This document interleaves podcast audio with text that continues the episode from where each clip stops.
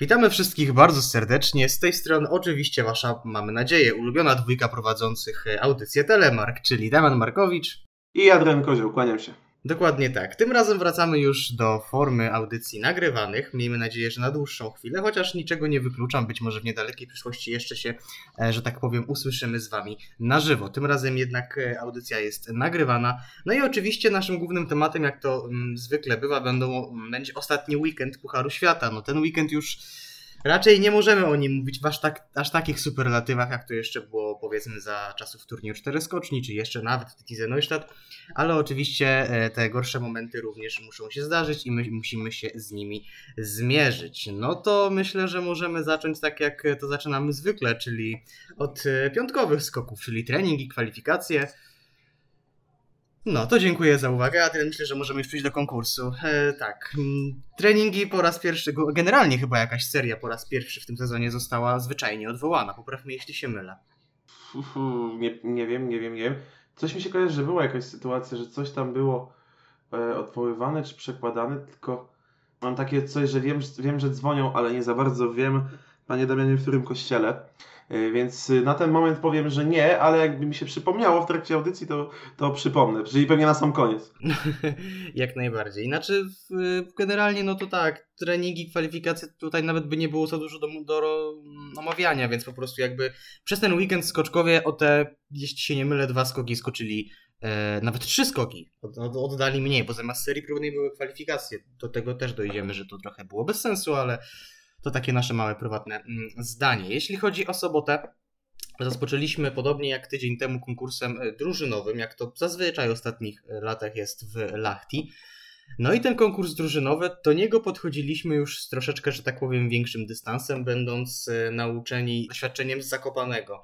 Jakby widzieliśmy też, przynajmniej ja widziałem, że Norwegowie będą niezmiernie groźni, no i okazało się to w sumie prawdziwe, mimo że Polacy tam, jakby nie patrzeć, chociaż do pewnego momentu trzymali się e, całkiem blisko.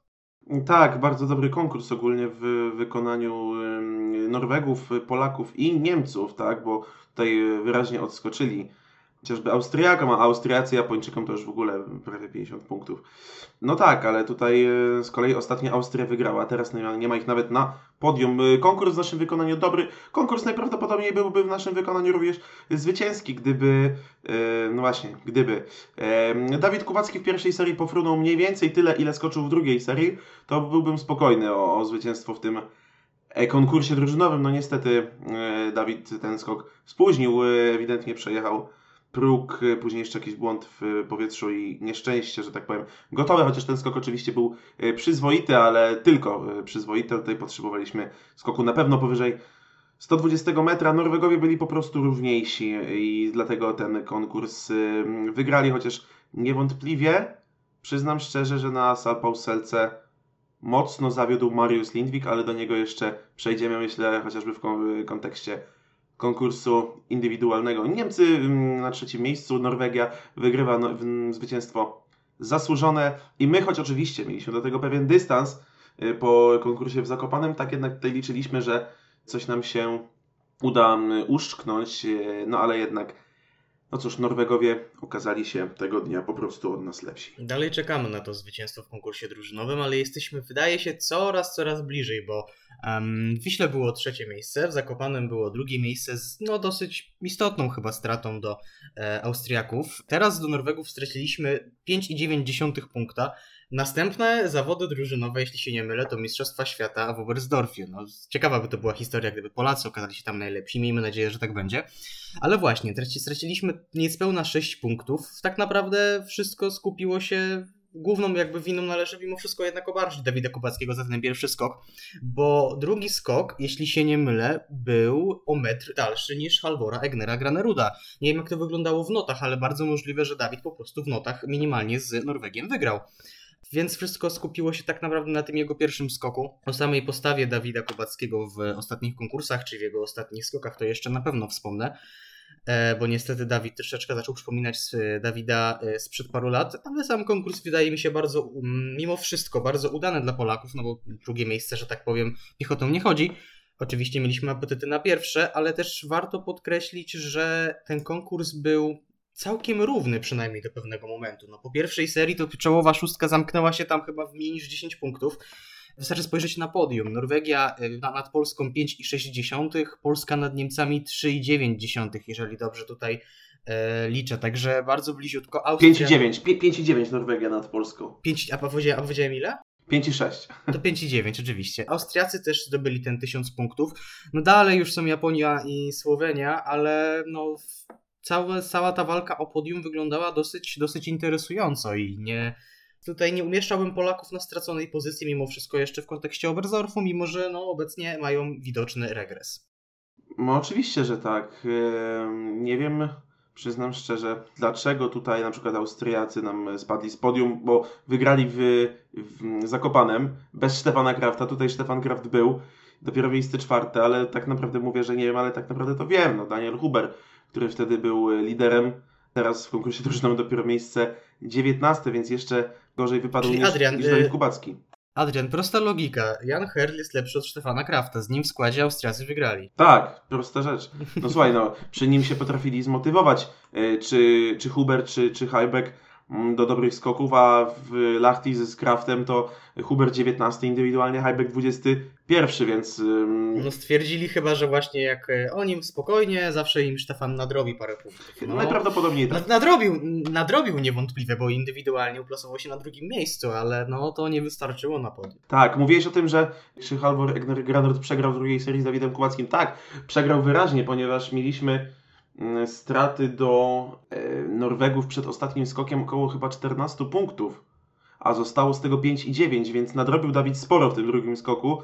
Dlatego właśnie tym bardziej e, żal, tym bardziej szkoda tego pierwszego skoku, który nie był jakiś tragiczny, tak, ale był po prostu za krótki, żeby w tym konkursie o zwycięstwo się z Norwegami bić. Znaczy, czy nie był tragiczny? No może tragiczny nie był, ale jeżeli mówimy o, za, o reprezentacji, która bije się o te zwycięstwa, to to jednak był naprawdę skok, może nie tyle poniżej krytyki, co bardzo, bardzo słaby, ale to jest takie moje zdanie. No, od Dawida oczekuję na Sao Paulo Selce przynajmniej tych 120 metrów. No nie udało się, no co tu dużo mówić. Nie, nie, będę, nie będę już tego rozgrzebywał. E, drugie miejsce, moim zdaniem, całkiem mm, przyzwoicie, mimo wszystko. Nie zawsze jest, jak to mówi tata mówi, nie zawsze jest, pier- nie zawsze jest 1 maja, nie zawsze się wygrywa. Nie wiem, co tu jeszcze można powiedzieć o tym skoku, e, o tym konkursie drużynowym. Yukiya Sato tym razem wystartował w, w drużynie Japonii jako ten pierwszy.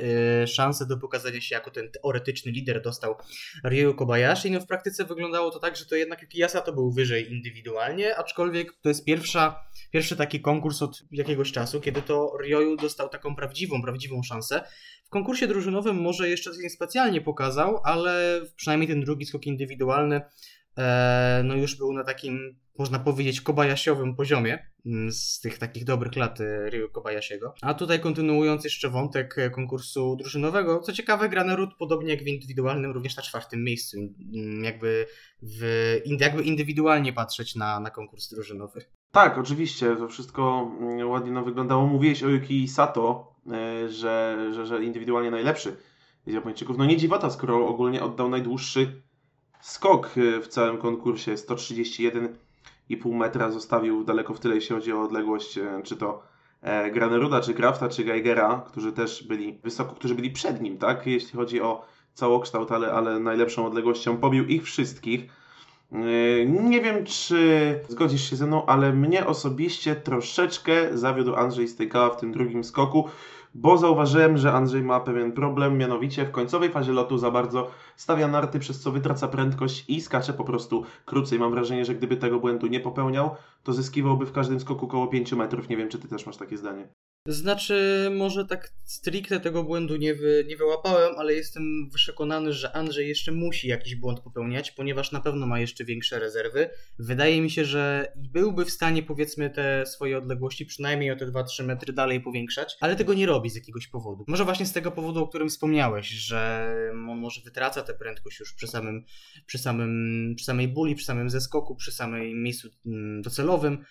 E, no nie wiem, no nie wiem. Andrzej e, cały czas jest równy mimo wszystko w tym sezonie i na pewno będą musieli jeszcze zagrać lepsze, gorsze skoki, Aczkolwiek y, fakt, fakt, może być tutaj jeszcze, jest, jest jeszcze na pewno potencjał do tego, żeby te skoki były y, dalsze i ładniejsze, chociaż akurat co do stylu, to raczej bym się Andrzeja nie czepiał. Y, jeżeli chodzi o ten konkurs drużynowy jeszcze, no na pewno Niemcy zmazali sporą, sporą plamę sprzed tygodnia z Zakopanego. Finowie wreszcie powalczyli realnie o to siódme miejsce, no tym razem się nie udało. Tym razem jednak Szwajcaria na miejscu siódmym, znaczy tym razem, no, no do ostatniej, przez ostatnie lata zdążyliśmy się do tego przyzwyczaić. Zaskakująco słabo Słoweńcy, znaczy zaskakująco, może nie tyle zaskakująco, ale aż spory marazm z ich strony, ponieważ ich lider Angela Niszek zaledwie indywidualnie 14, 121,5, 123 metry. No naprawdę biednie to wygląda w kontekście Słoweńców. W nie spodziewam się, żeby oni mieli się liczyć w walce o medal w Oberstdorfie. Nie, też myślę, że nie ma na to większych e, szans, bo musieliby wszyscy skakać na swoim optymalnym, najwyższym poziomie, e, a o to będzie bardzo ciężko, bo widzimy chociażby Pero Prełca, który w pierwszej serii, no kapitalna odległość, 130,5 metra, o nim zapomniałem mówiąc o tych odległościach, bo to tak naprawdę była druga odległość tego konkursu. E, no ale w drugiej już krócej znacznie, 121,5 w ostateczności indywidualnie Prełc spadł za y, kolegę z reprezentacji Laniszka, który nie zachwycił tak naprawdę w żadnej y, próbie mm, na Salpauselce. Y, Bor Pawlocic nieźle się prezentował. Być może Słoweńcy byliby w stanie walczyć o coś więcej, bo skakali może nie na jakimś bardzo wysokim, ale przyzwoitym poziomie, no ale Ziga Jelar na litość boską 114 i 106 metrów. Ile ten chłopak im stracił punktów? Przecież to jest Mm, wydaje mi się, że gdyby skakał na, może nie, nie chcę mówić swoim poziomie, ale na poziomie kolegów, tak, Powie, powiedzmy mniej więcej, no to zdobyliby Słoweńcy jakieś 50 punktów więcej i na pewno wyprzedziliby Japończyków i może nawet z Austriakami by się y, mogli bić, a tak? Znaczy to jest prosta matematyka. Gdyby skakał na poziomie swoich kolegów, to miałby powiedzmy te 50 punktów więcej, a 50 punktów więcej dałoby Słoweńcom miejsce piąte, więc tak, w te, jak najbardziej słuszna Tak, tylko że po prostu wtedy już traciliby mniej do Austriaków i mając świadomość tego, że tracą mniej do Austriaków, no to może zmotywowaliby się, może jeszcze każdy by coś od siebie dorzucił, tak? I ta walka by nam rozgorzała, a tak naprawdę no to spadli na miejsce szóste, niezagrożone przez nikogo, bo spora strata prawie 20-punktowa do, do Japonii, tutaj olbrzymia przewaga nad e, Szwajcarią, 140 ponad punktów, no więc tak naprawdę chodzą w swojej lidze Słoweńcy, ale niestety nie jest to liga wysoka.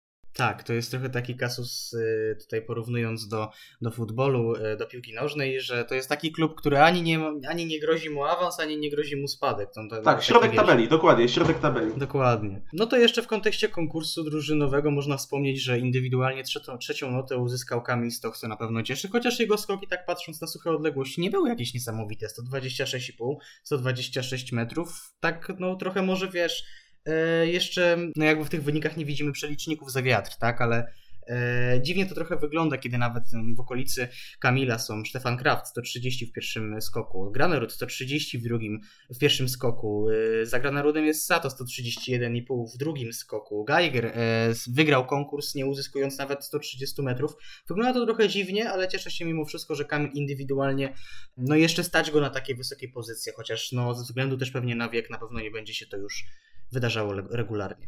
Tak, i w końcu trzeba przyznać, że i chyba oddać to, że Kamilowi ten skok, y, to, to, że skakał w ostatniej, czwartej grupie, troszkę ciążyło, nawet nie troszkę, lecz bardzo, bo y, był on posądzany przez wielu tam ekspertów z Twittera o to, że mm, on nam psuje specjalnie drużynówki i tak dalej, że nie jest w stanie się odpowiednio zmotywować, a wygląda na to, że chłopaka, mimo tego, że jest doświadczonym, wielkim mistrzem, po prostu zjadała presja, bo miał świadomość tego, że bierze odpowiedzialność nie tylko za wynik swój, ale też całego zespołu i tej, wytrzymał, i tej odpowiedzialności po prostu Kamil mógł momentami nie wytrzymywać. A tutaj skacze sobie gdzieś w drugiej trzy, czy trzeciej e, grupie, jak to miało miejsce w Zakopanem, czy teraz na Salpauselce i daje dużo więcej tymi swoimi skokami, tymi swoimi lotami. Tak więc no może to jest droga, tylko no wtedy mm, mamy z kolei kazus nie Kamila Stocha, a Dawida Kubackiego, który w ostatniej grupie no też nam się spalił i okazało się, że indywidualnie z naszych był na y, Salpauselce w drużynówce najgorszy. Czyli wychodzi na to, że przynajmniej na, na tym etapie sezonu troszeczkę mamy problem ze znalezieniem tego czwartego do drużyny, ale znaczy może nie tyle czwartego do drużyny, tylko wybrać z zawodników tego, który będzie tym czwartym, bo Kamil Stoch to już e, wspomniałeś, czasami nie, nie dźwigał presji, teraz Dawid Kubacki ma czasami z tym problem. Piotr Karzyły nie widzę jako lidera mimo wszystko, no a Andrzej Stykała jednak dopiero do tego mm, światowego poziomu aspiruje, nawet e, jeśli chodzi o konkursy drużynowe, więc tutaj, no nie wiem, czy Michał Doleżal będzie wierny swojej wizji i będzie na przykład ten dokładnie taki sam skład w takiej kolejności wystartuje w Oberstdorfie, czy coś tam pozmienia, zobaczymy. No i taką miłą, myślę, informacją dla wszystkich e, fanów skoków narciarskich jest fakt, że po raz pierwszy od paru ładnych naprawdę konkursów drużynowych mogliśmy oglądać w nim reprezentację inną niż powiedzmy top 6 plus Szwajcaria, Finlandia, ewentualnie Czechorosja, mianowicie reprezentację Stanów Zjednoczonych, która no niestety była tylko statystami, ale zawsze miła to ciekawostka. No tak, tak, tak, oczywiście to się E, to się zgadza. Natomiast w kwestii takiego, który mógłby skakać jako czwarty, no słuchaj, jeśli nie wychodzi z Kamilem Stochem, nie wyszło.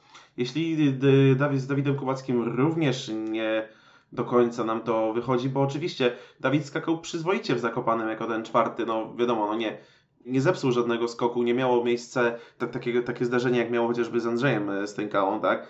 Ale to też były skoki bez błysku, wyraźnie wtedy pokonany przez Daniela Hubera. Teraz przegrał w pierwszej serii znokautowany został przez Halvora Egnera, Graneruda, Dawid Kubacki jeszcze sam po prostu oddał naprawdę przeciętny skok. Jeśli nie wychodziło z Kamilem Stochem, jeśli nie wychodzi z Dawidem Kubackim, no to właśnie może warto spróbować z Piotrem Żyłą na tym czwartym miejscu. On Piotr zazwyczaj konkursy nam otwiera, no ale nie widzę większych, większych przeciwwskazań, żeby na przykład konkursy otwierał Kamil, jako drugi skakał Andrzej, trzeci Dawid, a czwarty Piotrek. No bo y, jeśli y, może być y, lepiej, bo na pewno może być lepiej, no to dlaczego nie próbować? No ja akurat pomyślałem o scenariuszu, kiedy to Andrzej otwiera konkurs, a drugi skacze Dawid, ale myślę, że to byłby, efekt byłby jak najbardziej podobny. No dobrze, wydaje mi się, że jeśli chodzi o konkurs drużynowy, to może tyle. E, ewentualnie warto może, może wspomnieć, że trochę sensacyjnie Yuken Iwasa wskoczył do drużyny japońskiej, bo na treningu tym jedynym zajął 14 miejsce, a Junshiro Kobayashi był w ostatniej piątej dziesiątce całkiem przyzwoicie, przynajmniej ten pierwszy skok e, na São Paulo Selce w konkursie drużynowym Jukena Iwasy, no i ewentualny powrót e, Bora Paulowicza, który no może już nie wróci do takiej formy jak z początku sezonu, ale dwa naprawdę bardzo przyzwoite skoki 123 i 121,5 metra. To się oczywiście wszystko zgadza zasadniczo. Nie wiem, czy mam tutaj coś do dodania jeszcze w kwestii tego, więc w sumie chyba możemy już przejść pomału, pomału do niedzieli, zdaje się, na Salpauselce. To się zgadza, ale konkursem niedzielnym, czyli pierwszym, jedynym konkursem indywidualnym rozegranym na skoczni São Pauselka w fińskim Lahti opowiemy Wam tuż po przerwie na muzykę.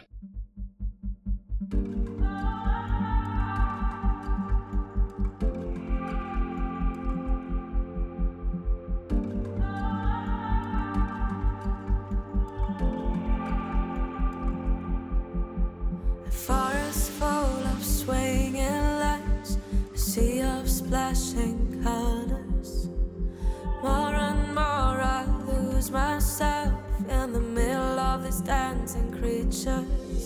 I'm breaking.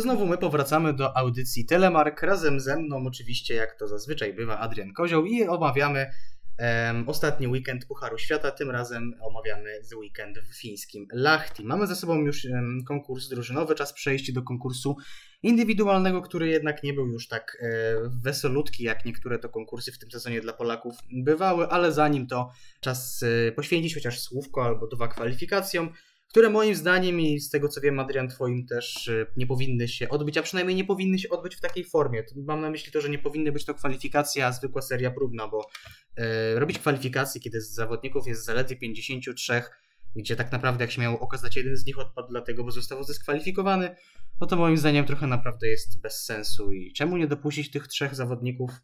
Ach, co tu dużo dodawać? No, dodać mogę tylko tyle, że 103 metry wystarczyły do tego, żeby zakwalifikować się do konkursu indywidualnego, e, a i zakwalifikowały się takie tuzy jak Dekerdin, Kevin Malcew czy Sandra Hauswirth, także, także było, było ciekawie. I to nie oni byli najsłabsi w tych kwalifikacjach, to jest najciekawsze, bo tutaj naj, najsłabiej spisali się Amerykanie Casey Larson i Andrew Urlaub, odpowiednio na miejscu 49-50.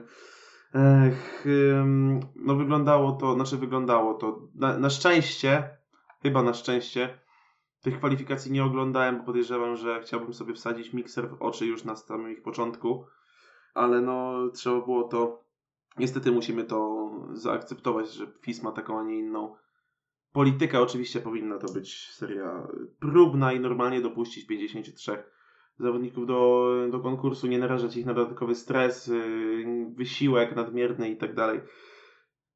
Ale możemy sobie mówić, a FIS i tak będzie robił swoje. Znajoma sytuacja, nie? Skądinąd. No to teraz może trochę z takich e, weselszych informacji. Kwalifikację wygrał Piotr Żyła, tym samym dołączając już, jakby uzupełniając tą nasz, to nasze top 3 w Polsce, ponieważ po jednej wygranej kwalifikacji mają na swoim koncie Kamil Stoch i Dawid Kobacki, no i teraz Piotr Żyła. Dawid Kobacki na miejscu czwartym, Jakub Wolny dziewiąty, Aleksander zniszczył 16, bardzo, bardzo dobrze. Gorzej? 25 Kamil Stoch czy 30 Andrzej Stękała, bo Paweł Wąsek 29, no to trzecia dziesiątka to jest taki jego optymalny poziom, moim zdaniem, tak mi się przynajmniej wydaje. Siedmiu Polaków w konkursie by było, gdyby to była pierwsza seria, więc takie wyniki może nie brałbym w ciemno, bo trochę szkoda mi Kamila i Andrzeja, ale naprawdę byłbym z nich e, zadowolony mimo wszystko. E, no i warto wspomnieć o tym, że oczywiście była dyskwalifikacja, ale chyba troszeczkę presji startu poza Austrią nie zniósł Niklas Ballinger, bo troszeczkę nie chce mi się wierzyć, żeby ten zawodnik był gorszy od Kevina Malcewa, czy nie wiem, no od Patryka Gąsienicy był akurat lepszy, ale e, no od Kevina Malcewa, czy nie wiem, Dina Dekera, czy Sandra Hauswirta, który też jest w fantastycznej formie od początku tego sezonu.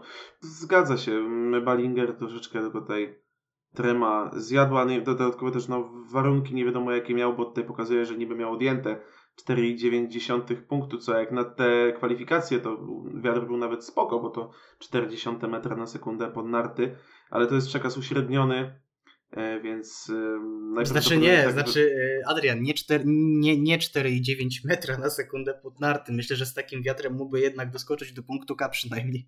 Nie, powiedziałem, że 40, powiedziałem, że 40 metra. Spokojnie. Aha, dobra. No to, znowu, no, no, to, no to okazuje się, że znowu tutaj e, ja w tym naszym duo zawodzę, więc nie, 4,9 punktu odjęte, a, a więc wiatr około, około 40 metra na sekundę w, pod nartę. Mówię, przekaz uśredniony to przekaz uśredniony, więc nie musiał mieć wcale takich fantastycznych warunków, no ale jednak nota 78,9 punktu za skok, no to jest nota.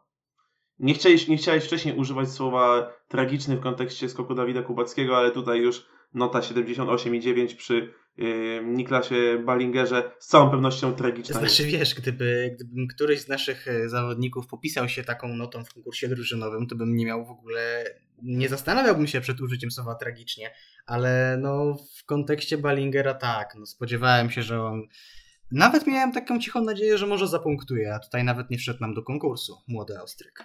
No niestety, tak to, tak to wyglądało. Też bardzo słaby występ Jana Herla, 44 i tak naprawdę no, może dziękować mm, młody, chociaż już nie taki znowu y, młody Austriak, bo tam ponad 20 e, lat już jest na jego karku, nie wiem, 23, 24 jakoś tak chyba ma Jan Herl, więc to już nie jest taki z pierwszego tłoczenia, że tak się wyrażę, e, austriacki talent, tylko to jest skoczek, który już powinien prezentować jakiś poziom i choć miał tam jakieś jedno fartowne miejsce na podium, nie pamiętam czy to w Sapporo było na Okurejamie, czy, czy, czy gdzie to było, w każdym razie miał e, gdzieś tam podium, ale to było podium tak szczęśliwe i tak no fartowne, powiedzmy sobie szczerze, że mm, nie wiem czy to wypada w ogóle przypominać, ale no popisywał się pojedynczymi dobrymi skokami, ale to jest zdecydowanie za mało i jestem zdania, że jeśli nie, na, jeśli nie ze wszystkich skoczków, którzy obecnie są w stawce, to na pewno w kadrze austriackiej jest to zawodnik zdecydowanie najbardziej przeceniany i przehajpowany.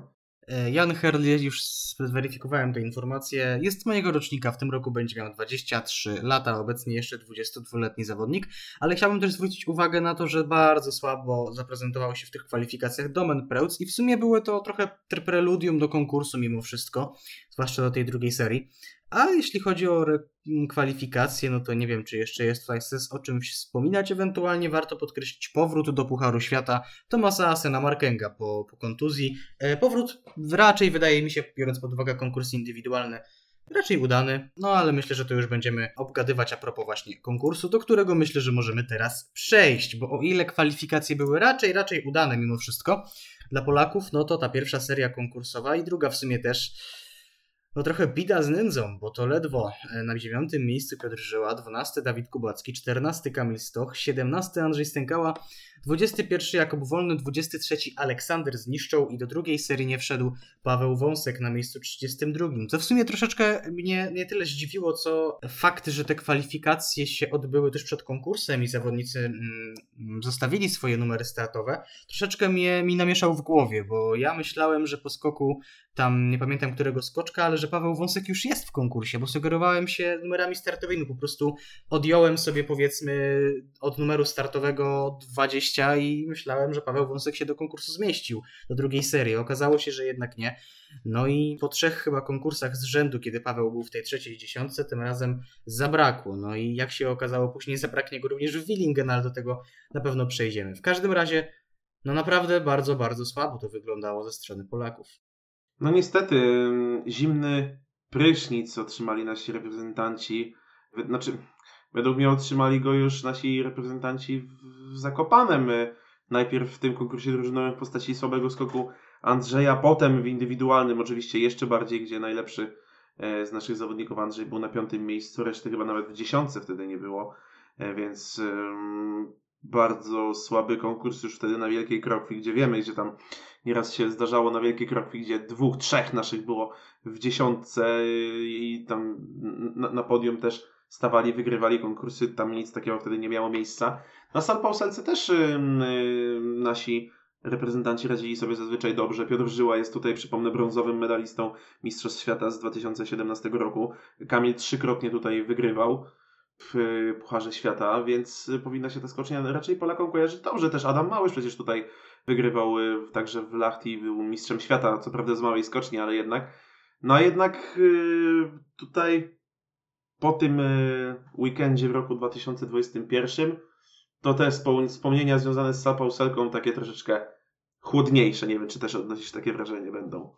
No z pewnością. Myślę, że w przyszłym sezonie trzeba troszeczkę tę plamę zmazać, bo to jest pierwszy konkurs za kadencji Michała Doleżala, w którym ani jeden z zawodników y, naszej reprezentacji nie znalazł się y, ostatecznie w dziesiątce. I jest to bodajże pierwszy konkurs od ponad dwóch lat, bo chyba ostatni raz taka sytuacja miała miejsce w grudniu 2019 roku.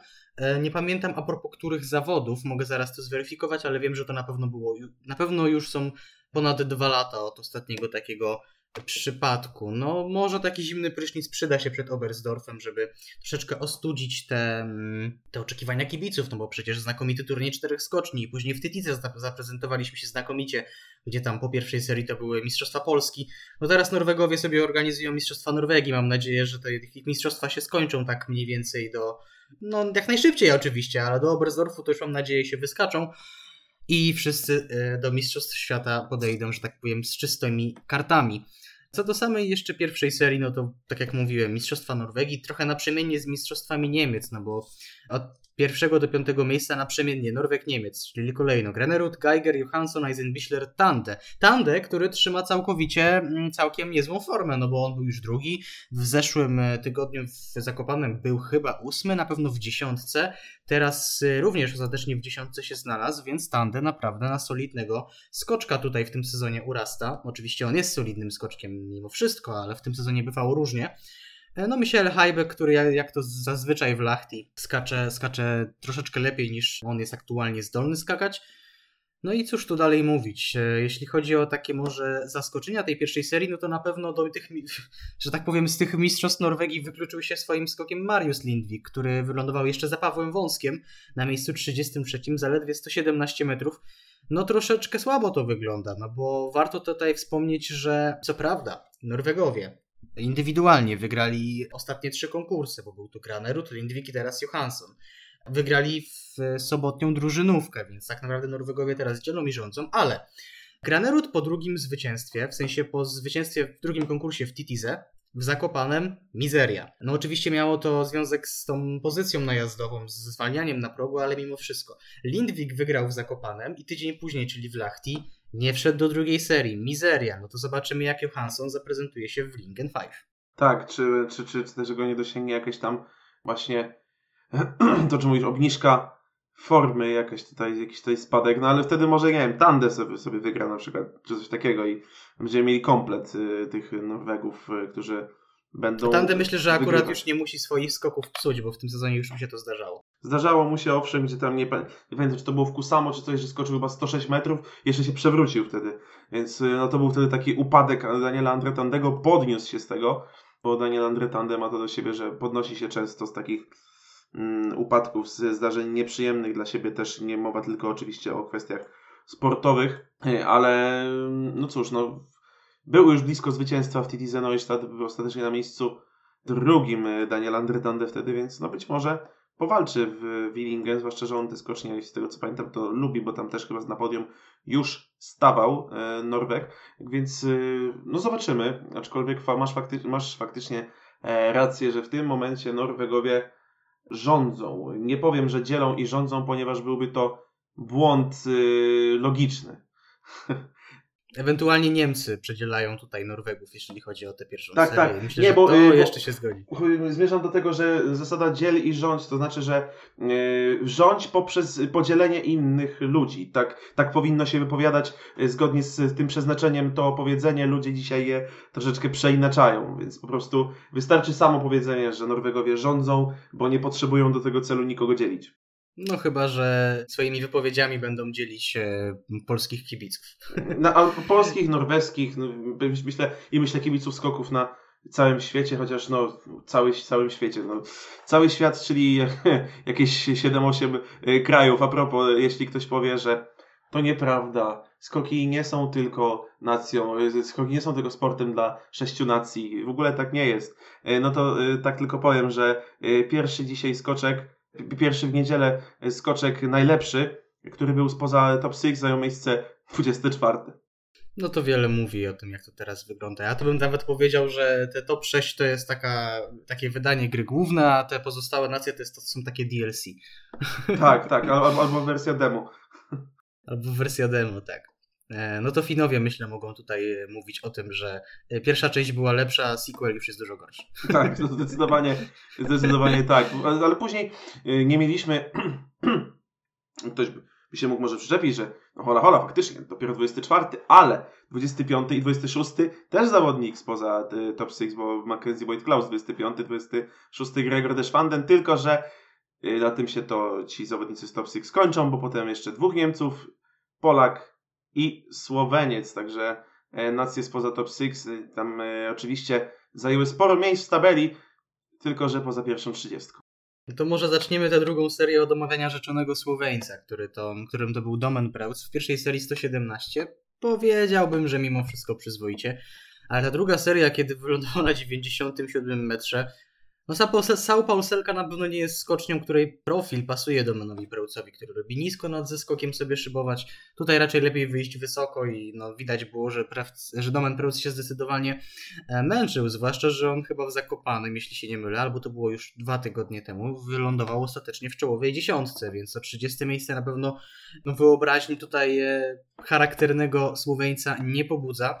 Ale przejdźmy już może do tych, którzy, że tak powiem, no może nie tyle dzielili, jak już mnie poprawiłeś i, i ewentualnie też e, słuchaczy, ale rządzili, czyli Norwegów, chociaż ta druga seria wcale nie była aż tak bardzo pod ich dyktando. Poczekaj, tylko jeszcze, e, tylko jeszcze, powiem, tylko jeszcze powiem zanim ten, że e, Domen Preutz, druga odległość tego konkursu, e, lepszy tylko Casey Larson w pierwszej serii, który pofrunął 93 metry.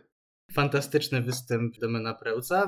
I w sumie zastanawiam się, jakby wyglądała taka odwrotna klasyfikacja generalna. No, może kiedyś, jak będzie mi się bardzo, bardzo nudzić, to coś takiego przygotuję. Triumfatorem konkursu został Robert Johansson, ponownie troszeczkę znikąd. Ja nie wiem, nie, nie, ja nigdy nie uważam, żeby Norweg był, że tak powiem, kandydatem do, do podium, może co najwyżej dziesiątka, ale on jakoś tak się gdzieś uchował i tym razem uchował się tak, że aż wygrał zawody. On też jakoś bardzo dużo podiów w swojej karierze nie ma. Jakoś ośmielę się powiedzieć, że to może nawet nie być jego dziesiąte podium.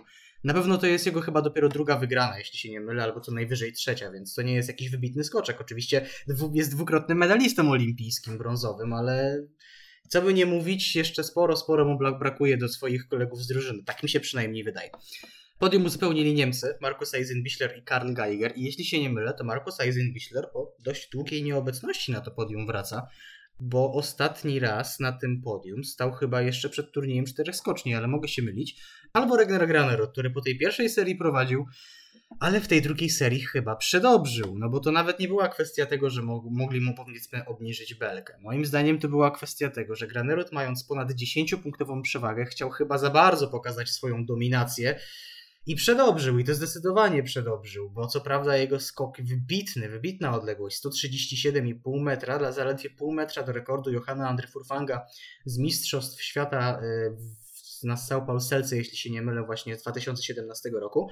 No i on tego nie ustał. On chyba jeszcze próbował tam telemarkiem lądować, co troszeczkę było dla mnie beznadziejnym, głupim wyjściem, mając 10-punktową przewagę mógł spokojnie sobie wylądować na tym 133, czwartym metrze na dwie nogi i tak by bez problemu te zawody wygrał, ale Halvor tutaj ambitny, chciał pofrunąć jak najdalej, pokazać, że nikt mimo wszystko się nie może z nim teraz liczyć. No i się troszeczkę przeliczył, bo spadł na jedno ze swoich ulubionych czwartych miejsc. I, I, nie wiem, czy ty podzielasz moje zdanie, bo on przegrał to podium o pół punktu, a zwycięstwo o 2,4. Gdyby on tylko ten skok podparł, ze sporą przewagą by wygrał. Znaczy ze sporą, powiedzmy z tymi trzema punktami by wygrał. Tak, wygrałby, wygrałby. I też myślałem, że, że może wygra, ale jak zobaczyłem noty, że są po 8,5, po 9 punktów, to już wiedziałem, że tutaj do Johanssona mu zabraknie właśnie, że może nawet zabraknąć do podium i tak też było. Błąd, zastanawiam mnie tylko yy, taka rzecz, dlaczego mm, Halvor Graner ma tak piekielnie mocne nogi przy odbiciu z progu, a dlaczego ma te nogi tak słabe przy lądowaniu. Przecież to już nie pierwszy raz, kiedy on ląduje e, naprawdę dosyć słabo i tutaj jeszcze Salpauselka jeszcze na takim e, momencie, gdzie to już, to już się pomału wypłaszczenie zaczyna, e, takich błędów po prostu nie wybacza. Jeszcze mam wrażenie, że z dosyć dużej wysokości spadł Norweg i że mógł tutaj pofrunąć dalej, że mógł pokusić się o pobicie rekordu Johanna Andre Forfanga, no ale lądowanie w taki sposób, z tak dużej wysokości, skracanie tego, no mam wrażenie, że lekko ten skok skracał. Jeszcze próba lądowania telemarkiem, no to było, to po prostu udać się nie mogło. No sam Halvor miał jakby spore pretensje do sędziów, ponieważ e, w internecie też zawrzało po tych notach dla Halvora, bo tam były dziewiątki, 9, 8,5, na pewno te noty pamiętam, pozostałych nie kojarzę. W każdym razie mm, ludzie spodziewali się not tak 10-11 punktów i szczerze mówiąc też się takich not spodziewałem. A zobaczyłem ósemkę, dziewiątkę, to się w sumie trochę zdziwiłem, ale stwierdziłem, no okej, okay, no przewrócił się, co by nie mówić, skok daleki bardzo, ale no przewró- zaliczył upadek, więc spore mu się tutaj e, straty na notach należą, co by nie mówić, ale jeśli się nie mylę, to nawet w porównaniu do innych tego typu przypadków, kiedy to zawodnicy lądowali za punktem konstrukcyjnym, nawet w tej dekadzie czy w tym wieku, lądowali za tym punktem konstrukcyjnym, tego skoku nie udało im się ustać, e, przewracali się, to też dostawali raczej przynajmniej o ten punkt, półtorej punktu wyższe noty, więc tutaj naprawdę wydaje mi się, że Halvor może mieć troszeczkę pretensji do sędziów, ale no nie oszukujmy się, on już też nie pierwszy raz w tym sezonie pokazuje, że nie wszystko mu się podoba. Że nie wszystko mu się podoba i że nie wszystko mu wychodzi na czele z lądowaniem, które musi na pewno e, Norweg poprawić, bo no po prostu zaczyna przegrywać e, konkursy, tak? Bo tutaj miał pewne zwycięstwo, a przez to, że przez swoją brawurę, przez e, dziwny wybór, przez, mówię, mam wrażenie, że on mógł tutaj jeszcze polecieć, że mógł nawet gdzieś w okolicy 140 metrów polecieć i ustać, gdyby miał odpowiednio mocne nogi, tak jak miał mocne nogi Johan Andre Forfang, czy jak to powiedział Przemysław Babiarz, e, Daniel Andre Forfang, ale no przyznam szczerze, e, te noty faktycznie niskie, ale jeśli, tak sobie teraz spojrzałem na ten skok, jeśli on wylądował na plecach jeszcze przed linią sędziowską, to znaczy on wylądował, najpierw potarł rękoma, potem się przewrócił i jechał przez chwilkę na plecach jeszcze do linii sędziowskiej, więc wybronią się sędziowie z takich not, na pewno. No sobie nie mówić, myślę, mi się wydaje, że gdyby Granerud nie miał tej wpadki w Zakopanem z tragicznymi prędkościami, to Sztekl spokojnie by tę belkę mu obniżył, no bo wiemy na co stać Albora Jagnera Graneruda, kiedy jest w pełni sił. Zakopanem w pełni sił albo po prostu, no w pełni sił nie był, albo po prostu popełnia, popełniał błędy, więc myślę, że teraz po prostu jeszcze była ta obawa, że przy obniżonej belce Granerud może mieć dalej tą beznadziejną prędkość i no wymsknie mu się to zwycięstwo. Wymsknęło mu się tak czy tak, ale wydaje mi się, że Willingen jeżeli będzie taka sytuacja, to już Sztekl nie będzie się obawiał obniżyć po prostu belki Granerudowi. Tak wydaje mi się, że wydaje mi się, że po prostu problem z prędkością na rozbiegu został już naprawiony, został już zażegnany, chociaż te prędkości wcale też nie są powiedzmy e, nie wiadomo jakie. No oczywiście jeździ teraz szybciej od Kamila Stocha, ale to nie jest ścisła, ścisła czołówka. Niemniej jednak wystarcza mu to do zajmowania wysokich pozycji. Ale też zwróciłbym uwagę, że Granerud w locie to praktycznie chowa się, jak tak spojrzysz z boku na jego skok, to praktycznie chowa się za jedną z nart, bo on bardzo, bardzo, bardzo równiutko z nartami leci. Bardzo jest ta, wyraźnie położony na tych nartach. To jest praktycznie linia prosta. Trochę takim Jakubem Jandą mi to zajeżdża, szczerze mówiąc. Bardzo ładnie w locie styl, pod względem stylu wygląda Granerud. Ale jeśli chodzi o to lądowanie, no to naprawdę no, poziom pucharu kontynentalnego. Tak, tak, tu się w pełni zgadzam. Jak sobie przypominam skoczka, który ładniej skakał stylowo, w sensie w locie, znaczy nie każdemu to się musiało podobać. Mi się bardzo podobał z kolei lot, y, oczywiście Lloyd tak, ale e, Roar Jokesej bardzo mi się podobał w powietrzu. Te narty prowadzone w zasadzie równolegle, to nie był taki styl V, tylko taki bardziej styl H, można powiedzieć, bo te narty prowadzone równolegle do siebie. Narta mu nawet nie drgnęła wtedy w powietrzu i zazwyczaj piękny telemark dostawał noty, inni dostawali po 18,5, max 19, on miał po 19,5 za każdy skok e, praktycznie. I to były mm, czasami wydawałoby się, że przesadzone, że krzywdzące wobec innych zawodników, ale naprawdę ślicznie stylowo e, Roar Lökelsej czy właśnie też Wolfgang Kloitzel skakali, więc no, to też na pewno wymaga sporo e, czasu poświęconego, żeby do takiej e, perfekcji w stylu dojść. Też co do tego, co mówiłeś, już zakończy, kończąc już wątek Halvoragnera e, Graneruda w tym, w, tym, w tym konkursie, E, po prostu e, też być może nie zdecydował się na obniżenie tej belki Aleksander Sztekl, ponieważ widział, e, że w drugiej serii konkursu drużynowego Halvor Egner Granerud skoczył krócej. Troszeczkę, nie powiem, że zepsuł swój skok, no ale jednak przewagę nad Polakami, przewaga nad, nad Polakami po jego skoku stopniała z punktów 14 do punktów niespełna 6.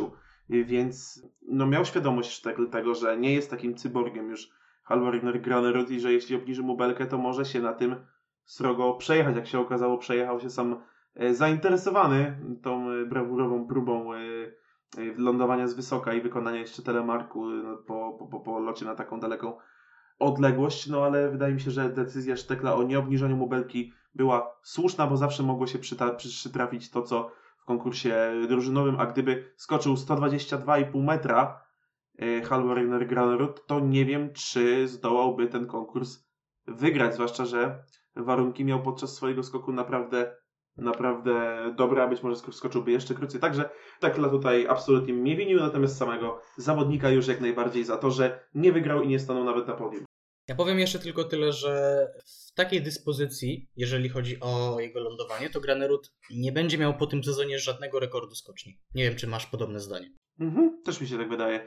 E, bo raz, że albo będzie coś psuł na najeździe, tak jak w Zakopanem, albo będzie coś psu, psu przy lądowaniu i nie ustanie skoku, także nie wiem, no, znaczy nie jest to oczywiście nasz problem, to są tylko tam jakieś tam nasze wewnętrzne e, rozważania, tak, natomiast no, na ten moment nie widzi mi się to i w Willingen na pewno będzie mu ciężko ten, e, ten rekord pobić. Tam chyba zdaje się cały czas, e, jeśli dobrze pamiętam, Jany Ahonen jest rekordzistą. A nie Juri Tepesz? A i nie wiem, mi się wydaje, że jeśli Tepesz, to co najwyżej ten rekord Ahonena wyrównał. No zaraz mogę to zweryfikować. W międzyczasie, drodzy widzowie, możecie. Zapraszam Was na chwilę z muzyką. Wydaje mi się, że y, możemy spokojnie przejść już do no naszej na pewno ulubionej sekcji, czyli dzbany, kozaki i gale weekendu, ale oczywiście to po przerwie na chwilę z muzyką. Dlatego daleko nie odchodźcie, wracamy już niebawem.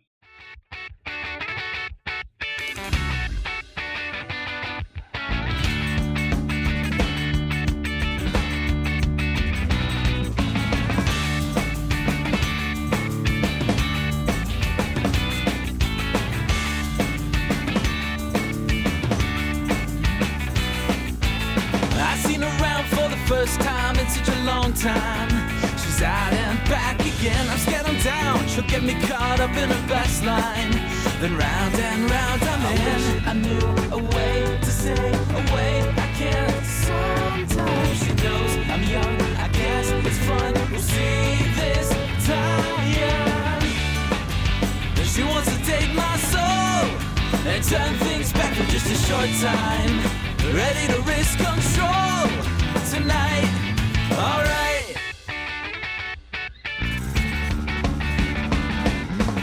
This part of town is a place it's easy to find me. I know she knows it and I may be smart, but attention like this makes me crazy. It turns me outside in. I knew a way to say a way I can. Sometimes she knows I'm young. I guess it's fun.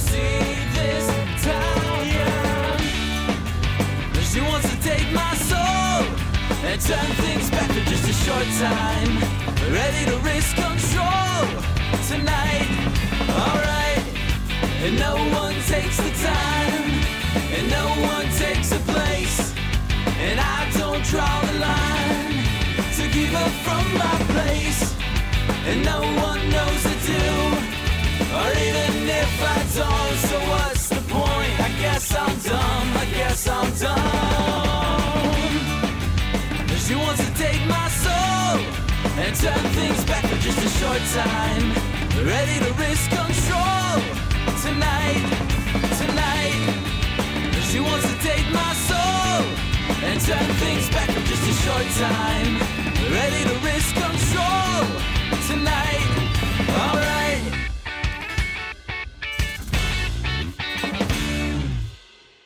To znowu my wracamy do audycji Telemarka, dokładniej do sekcji, którą myślę każdy fan naszej audycji czy fan skoków lubi najbardziej, a już my szczególnie, bo można omawiać zawody, ale bez troszeczkę takiej nutki ironii w postaci dzbanów kozaków czy gali weekendu, to trochę tak bym powiedział, nudno, więc przechodzimy właśnie do tej um, naszej, jak już mówiłem, ulubionej sekwencji tej, um, ulubionej części tej audycji.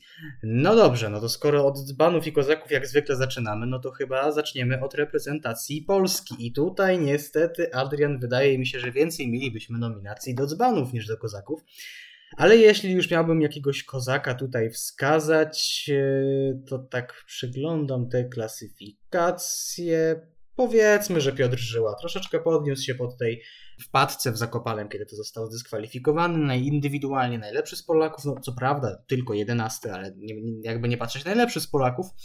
E, w konkursie drużynowym raczej nie zawiódł. Uzyskał, e, jeśli się nie mylę, no był tam, miał, miał tam chyba notę w pierwszej dziesiątce, już teraz... Jedenasty, jedenasty był. O, no to też, no to jedenasty jedenasty żyła raczej na swoim mimo wszystko poziomie. E, oczywiście troszeczkę gorzej, no bo, no bo wszyscy tak naprawdę Polacy zaprezentowali się gorzej, ale jeżeli mamy kogoś wyróżnić, to właśnie niego, a jeżeli chodzi o Dzbana, e, no to chyba mimo wszystko za cały ten weekend to Dawidowi Kubackiemu należą się bardzo, bardzo duże bury, bo to zarówno w konkursie drużynowym, no tak naprawdę z jego winy straciliśmy to, tę wygraną, e, no i w konkursie indywidualnym po pierwszej serii dopiero 12, no a ten drugi skok to też był bardzo, bardzo, bardzo słaby, bo zaledwie 119 metrów i uklasowało go to na 23 miejscu. Tak, nie mam żadnej wątpliwości i tutaj zgodzić muszę się z obydwoma typami. Piotrek Żyła równo, stabilnie, może mógł być ciutkę dalej, ale, ale ogólnie jest w porządku. E, do niego za ten weekend nie można się przyczepić, chyba jako do jedynego tak naprawdę, bo i u Andrzeja byśmy coś znaleźli, i u Kamila byśmy coś na pewno znaleźli, i u y, Dawida Kubackiego. No może jeszcze do Kuby Wolnego bym się nie mógł przyczepić koniecznie, bo, bo, bo dwa całkiem dobre skoki nam oddał w niedzielę na San Pauselce mm, niespełna 26-latek. Mm, Olek zniszczą, no to wiadomo, można by się było przyczepić za drugi skok w niedzielę. Paweł Wąsek się nie zakwalifikował w ogóle, ale mimo wszystko Dawid Kubacki zawiódł nas tutaj najbardziej, także biorąc pod uwagę stosunek oczekiwań naszych do e, wyników ostatecznych, no to kozakiem zostaje Piotr Żyła, banem zostaje Dawid Kubacki, więc yy, tak to wygląda u mnie również, czyli zgadzamy się jak na razie, więc przejdźmy do drugiej nacji, która tutaj była ważna podczas tego weekendu, może nie dla nas, ale ogólnie ważna dla, dla skoków podczas tego weekendu na Salpauselce i to jest y, Norwegia. Tak więc z Norwegii ja sobie pozwolę zacząć. Y, kozakiem będzie bez dwóch zdań Robert Johansson. Zwycięstwo w niedzielę, do tego bardzo dobre skoki także w sobotę, gdzie indywidualnie był y, na miejscu szóstym, tak więc też bardzo pewny punkt drużyny. Bez niego też by tego konkursu na pewno Norwegowie nie wygrali, także on tutaj zostaje ode mnie kozaka. Natomiast dzbanem y, według mnie w kadrze norweskiej będzie tak, no muszę to powiedzieć, Mariusz Lindwik, bo y, w konkursie indywidualnym, w konkursie drużynowym y, zajął indywidualnie miejsce gdzieś chyba poza pierwszą dziesiątką, tak, dwunasty, więc przegrał z Piotrem Żyłą chociażby o dwa punkty w drużynówce. Indywidualnie A oni, skak oni, skakali, oni skakali w jednej, w jednej grupie. Tak, tak, tak. I w, obu, I w obu seriach Piotrek był od niego lepszy, także ym, tutaj nie, na pewno... nie, nie, nie, nie. W pierwszej serii chyba jednak Lindwik był lepszy, bo, bo, bo pamiętasz, że po pierwszym skoku Żyła nam dał piąte miejsce. E, być może tak, chodzi mi bardziej o odległości, bo skoczył metr dalej aha, aha, Piotrek. Okay, skoczył okay. metr dalej Piotrek i w serii finałowej skoczył półtora metra dalej. Także no po prostu Piotrek tutaj tego dnia po prostu był od Lindwika lepszy i w niedzielę też był lepszy, bo no Lindwik jakby to się mówi, no nie podjął rękawicy do walki z Piotrkiem, nie podjął rękawicy do walki z kimkolwiek, ponieważ y, oddał walkowera skacząc na 117 metry i nie wchodząc tam w ogóle do drugiej serii. No to tutaj teraz ja się muszę z Tobą zgodzić, bo Robert Johansson tak jak już mówiłem, z cienia troszeczkę wygrał te zawody, ale on chyba każdym, jaką, jakiejkolwiek pozycji nie zajął, to ja zawsze będę mówił, że on zajął tę pozycję z cienia.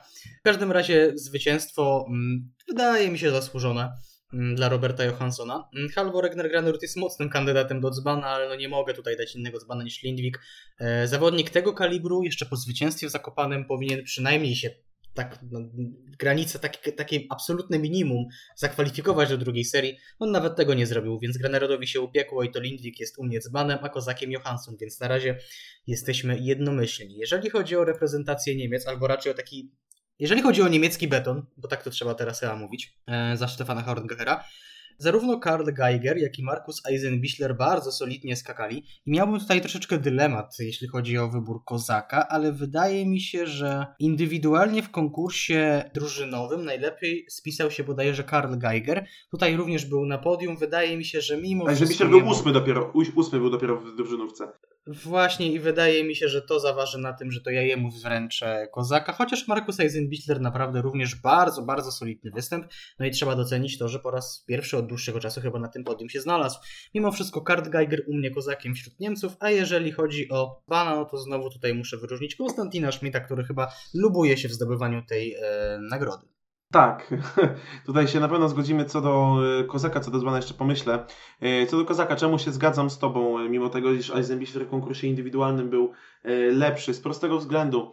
Markus Eisenbichler ostatnio powrócił na właściwe tory, znowu skacze daleko, znowu skacze dobrze. Już w Zakopanem było w porządku z jego dyspozycją w konkursie indywidualnym. Wiadomo, no, w drużynówce to z żadnym z Niemców nie było w porządku, ale w indywidualnym już było ok. Mm, teraz też było bardzo dobrze, ale wydaje mi się, że większe problemy były mm, u Karla Geigera, który ostatnio znacząco loty obniżył. Tutaj pokazał, że wraca na właściwe tory, miejsce pierwsze w konkursie drużynowym, jeśli chodzi o notę indywidualną, miejsce trzecie w konkursie indywidualnym, tylko o dwie dziesiąte przegrał z Markusem Eisenbichlerem to miejsce drugie, no, na, na skutek drugiego skoku, który po prostu był słabszy. Nie zdołał tutaj Geiger wygrać ani, ani, ani wystanąć na drugim miejscu podium. Co do tego yy, zwycięstwa, mówili, że Johansson zasłużone zwycięstwo. Pewne mam troszeczkę wątpliwości z tego względu, że no, odległości, jakie osiągał, no to tutaj wyraźnie przegrał i z Geigerem, e, i z Eisenbichlerem, i z Granerudem to nie mówię, ale Granerud nie ustał drugiego skoku. No ale najwidoczniej tutaj e, noty za styl zaważyły to, że Johansson lepiej lądował, także tutaj też no, przewaga 1,7 punktu to jest około metra, więc to nie jest aż tak minimalnie. E, to taka mała dygresja. A co do dzbana, powiem tak, chciałem go dać Martinowi Hamanowi, bo zepsuł, pierwszy, bo zepsuł drugi skok w drużynówce, zepsuł drugi skok w konkursie indywidualnym, no ale uratował go Konstantin Schmidt, który jest jeszcze gorszy. Tak, no zastanawiam się, kiedy to się zmieni w reprezentacji Niemiec. Czy ktoś się wreszcie z tyłu pokaże, kto mógłby ewentualnie ten niemiecki beton Stefana Horngachera, imienia Stefana Horngachera przebić. Richard Freitag próbował, ale dla Horngachera to niestety było za mało. E, przejdźmy do następnej reprezentacji. Omówiliśmy już Polaków, Norwegów, Niemców, no to teraz chyba Austriacy. I teraz wydaje mi się, że ty zaczynasz. Tak, to się zgadza. Więc zacznę bardzo łatwo, bo tutaj jest e, decyzja prosta. Kozakiem jest e, bez dwóch zdań Stefan Kraft, indywidualnie na, mm, w sensie indywidualnie w konkursie drużynowym na miejscu drugim, chociaż no ze znaczną stratą do Geigera na miejscu piątym w konkursie indywidualnym, chociaż też ze sporą stratą do czwartego Graneruda, czy, czy, czy w ogóle do podium, ale jednak na tym miejscu piątym wylądował nam Austriak. A kto będzie dzbanem? Hmm, no tuż inny mógłby to być Jan Herl. Dlaczego? Już mówię. Oczywiście, Wallinger nie wszedł do konkursu. Mm, w samym konkursie Steiner był niżej. 99 metrów, beznadziejna próba. Ale ani po jednym, ani po drugim, panie Damianie, to my się niczego nie spodziewamy. Natomiast Jan Herl to jest mimo wszystko członek zwycięskiej ekipy sprzed tygodnia, e, sprzed półtora tygodnia z Zakopanego. I od takiego zawodnika oczekujemy, żeby chociaż wchodził do drugiej serii, a nie zajmował miejsce 39. Także Jan Herl dzbanem tego weekendu jest. Także to moje typy. No jeżeli chodzi o, dzban, o Kozaka, no to Stefan Kraft. Najlepszy z Austriaków. E, bardzo, znaczy no może bardzo to nie, ale no nie, co by nie mówić, e, to nie było tak, że on w tej dziesiątce znalazł się niezasłużenie, zasłużone moim zdaniem, piąte miejsce odległościami, to może tak nie wygląda, ale mimo wszystko Stefan Kraft to już jest, jak, jak, on, jak, jak już wystartuje w konkursie, to można być właściwie pewnym, że on w tej dziesiątce się znajdzie, a może nawet skoczy na podium. Czy powiedziałbym, że to jest lider Austriaków? Ze względu na swoje podejście do tego sezonu, to chyba powiedziałbym, że nie, aczkolwiek no teraz zaprezentował się z nich najlepiej. Jeżeli chodzi o Dzbana, to na początku w głowie miałem Maksymiliana Steinera, ponieważ od Niklasa Ballingera nie oczekiwałem, tak nie stawiałem mu żadnych powiedzmy takich celów. E, Steiner trochę już poskakał, więc jego miałem pierwszy typ, ale jak uargumentowałeś Herla, to muszę go niestety zmienić i Jan Herl ode mnie również zgarnia Dzbana. Po prostu yy, twoja umiejętność perswazji na mnie zadziałała. Cóż, no w końcu studiowaliśmy to samo, doskonale wiemy czym jest perswazja i manipulacja, chociaż tego drugiego tutaj się nie dopuściłem. To się zgadza. No dobrze, no to następna reprezentacja, jeśli się nie mylę, będą to Słoweńcy. I teraz ja rozpoczynam, więc jeżeli chodzi o Słoweńców, to chyba zacznę od Dzbana mimo wszystko, bo Kozak będzie chyba troszeczkę trudniejszy. Jeżeli chodzi o Dzbana, to ani Tilian Bartol, ani Giga Jellar, mimo wszystko bym ich nie dawał, bo dam go Domenowi Pełcowi, bo ten drugi skok w drugiej serii to była kompletna katastrofa. Dość powiedzieć, że tak jak mówiliśmy, tylko Casey Larson podczas tego konkursu skoczył bliżej w pierwszej serii. E, no to nie była zdecydowanie skocznia pod domena Prełca, ale po zawodniku, który ostatnio znajdował się w pierwszej dziesiątce, oczekiwałem troszeczkę e, więcej, zwłaszcza, że on też kwalifikacji nie miał wybitnych. Też w piątej dziesiątce się uplasował, dlatego on ode mnie jest dzbanem. Jeżeli chodzi o Kozaka, to może tak e, nieoczywisty wybór, ale Bor Pawlowicz, który wrócił do tego Pucharu Świata po nieobecności w paru konkursach, już Ci mówię ile dokładnie, w trzech konkursach go nie było, w Zakopanem był dopiero 41, teraz to był punkty, więc powiedzmy, że powolutku, powolutku może się nam Bor Pawlowicz odradza, e, więc na, tak, na taką zachętę jemu tutaj przekazuję nagrodę Kozaka wśród Słoweńców. Okej, okay. co do Kozaka zgadzamy się, bo to jest Bor Paulocić bez dwóch zdań. Żaden ze Słoweńców y, nie zachwycił na tyle, żeby tutaj mnie przekonać do siebie, bo Pero Preutz pierwszy skok faktycznie bardzo dobry w y, sobotę, ale drugi już słabszy. E, Angela Niszek bez błysku. W niedzielę skakał tak naprawdę mniej więcej na swoim niezłym poziomie, ale nic ponadto. Mm, natomiast Borek Pawłowicz po beznadziejnych skokach ostatnio i tej nieobecności, o której mówiłeś, powraca, zdobywa punkty. Był nawet niezłym punktem w drużynie. No ale właśnie tutaj mamy pierwsze, z czym się mm, nie zgodzimy, mianowicie Y, choć uważam, że Peter Preutz, że Domen Preutz y, skakał na Salpauselce tragicznie, jak na siebie, zwłaszcza po tym, co prezentował nam w Zakopanem, gdzie miał miejsce w pierwszej dziesiątce. Tak jednak uważam, że to, co zrobił Giga Jeller y, w konkursie drużynowym w sobotę, woła po prostu o pomstę do nieba, bo totalnie zniweczył wysiłek wszystkich swoich kolegów. 114 metrów, 106 metrów. No tak psując skoki w konkursie drużynowym nie można zasługiwać na inne miano niż na miano dzbana, także ode mnie Giga Jeller. No to teraz Japończycy i oddaję Tobie pierwszeństwo. Więc tak, kozakiem chciałbym powiedzieć, że Yukiya Sato, bo bardzo dobry występ w konkursie drużynowym, 131,5 metra, najlepsza e, odległość, e, prezentował się fantastycznie tego dnia Japończyk.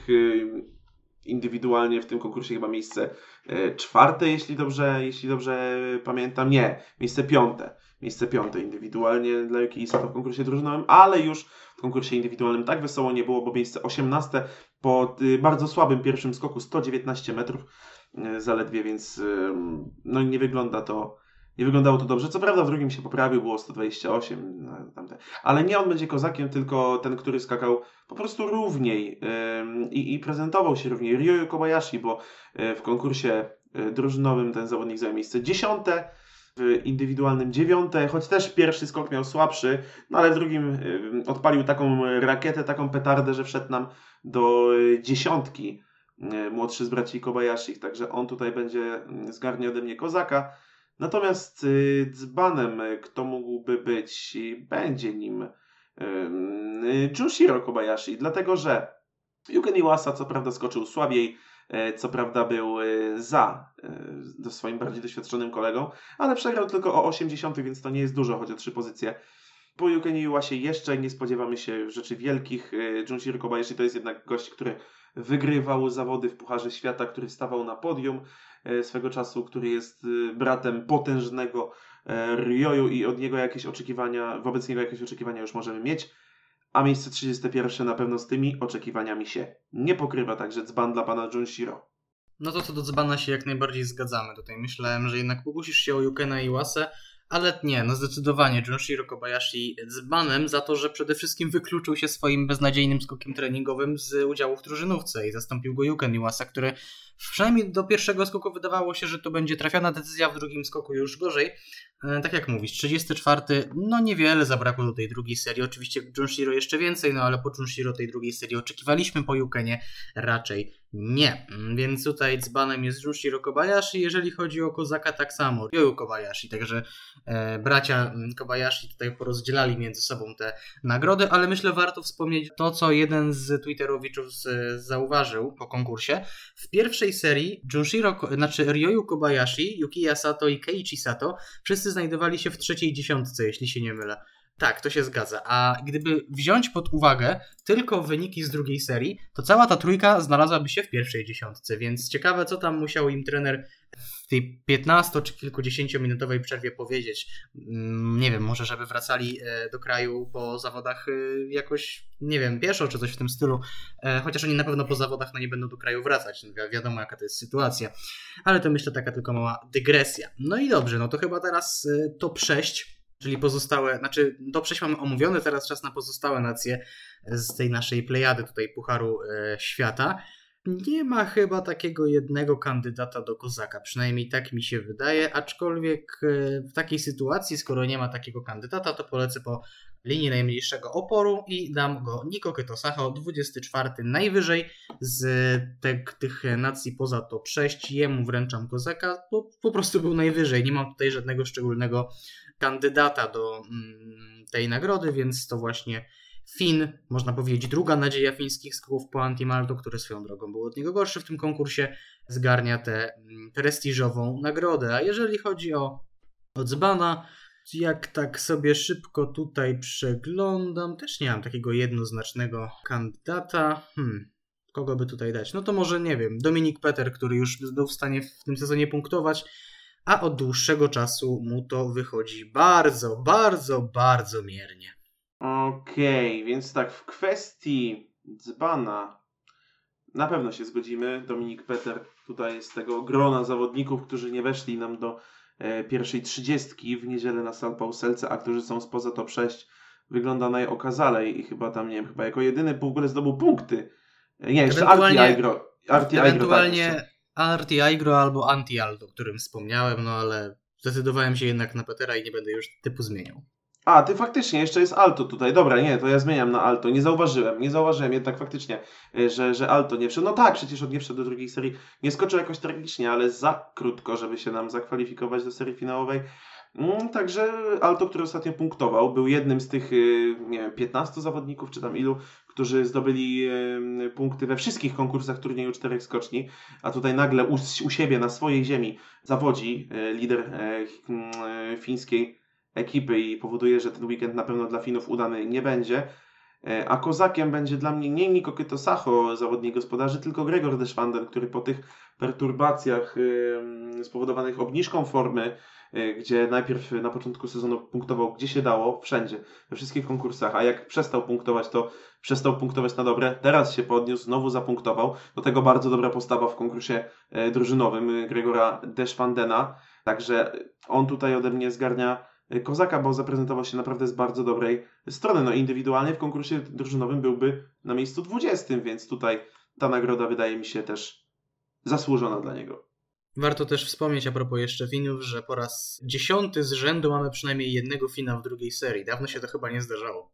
No, no prawda, Finowie, e, no wiadomo, ta zapaść trwa już od e, około Zaczęła się już, już myślę około 10 lat temu, a później tylko się pogłębiała. Teraz jakby to się troszkę dźwignęło, ale wciąż to e, chociażby powiedzenie, że jest przyzwoicie, jest jeszcze bardzo, bardzo daleka droga.